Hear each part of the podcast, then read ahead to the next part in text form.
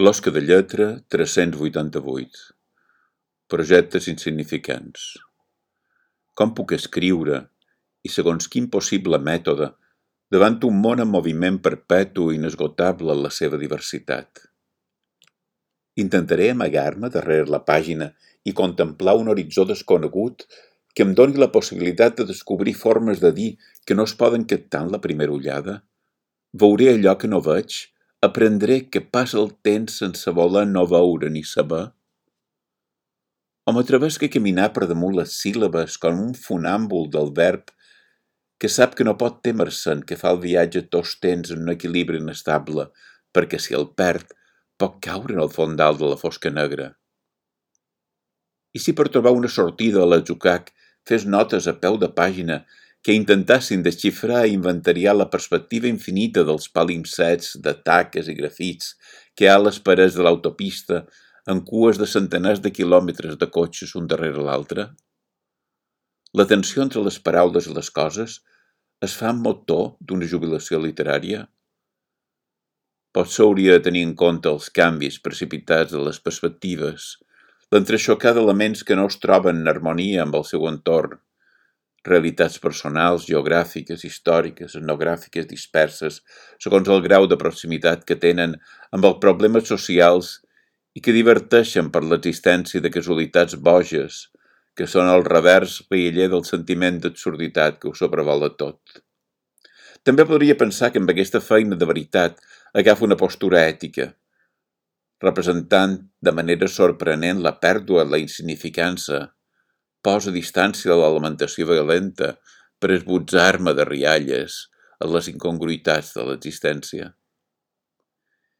I si fes tentatives modestes de la descripció d'un univers considerant que sa contemporani és sa inactual, assenyalar el present com arcaic i desxifrar el seu carbó 14? No, no contaré cap història. No, no defensaré cap ideologia. Que el Déus me n'alliberi, Nailas, som lliure de divagar, de deambular i d'abandonar-me a l'única exigència de les paraules, a l'arranjament de sonoritats, a la respiració secreta del test que seria la seva verdadera aventura. Faré incursions en la fantasia, en la digressió, en una certa burla, un alleugeriment sobtat que és la part d'incertesa que exigeixen totes les bones mecàniques per funcionar a ple rendiment i sense problemes. El joc aquesta volta necessària de la roda lliure a l'economia del moviment, sense la qual la màquina s'ofega. El tot és posar la màxima relació possible. Crida les totes, i sé cop en sec que vaig a contracorrent i he de fer esforços gegantins per no deixar-me arrossegar.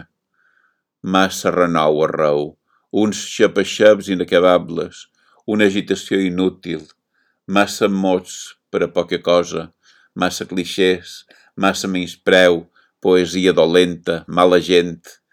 Cal sortir del carrusel. L'univers mut ens espera. És brutalment negligit per tots els discursos. Cal saber que la vida quotidiana de qualsevol objecte o animal és plena de coneixences desconegudes. Cal escoltar la vida germinativa de la natura, mirar-la millor, ensenyar-se un mateix el seu contacte íntim, Vivim en la mort, en el desig de mort que barbària i consum catalitzen. Contra la mortor caldria inventar, com mestre Francis Ponch ja ens deia en aquella Europa infectada de totalitarisme de 1933, noves raons i de raons de viure, aprenent petites felicitats de totes maneres. Aquesta abraçada novella no és una forma d'escapar, una fugida, un replec, sinó un acte dels sentits i del sexe que cadascú obri les escotilles interiors, faci un viatge a la profunditat de les coses, una invasió de qualitats, una subversió comparable a la del carro o de la pala, quan de cop i per primera vegada feren sortir a la superfície milions d'arrels, de cucs i de bèsties petites, fins llavors de vall terra.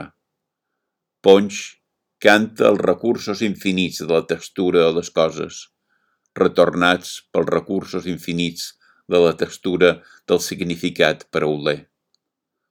Els picarols de les ovelles canten les notes verdes de l'herbei del prat. Un pregadeu a terra damunt els llibres que m'envolten com una aparició enigmàtica.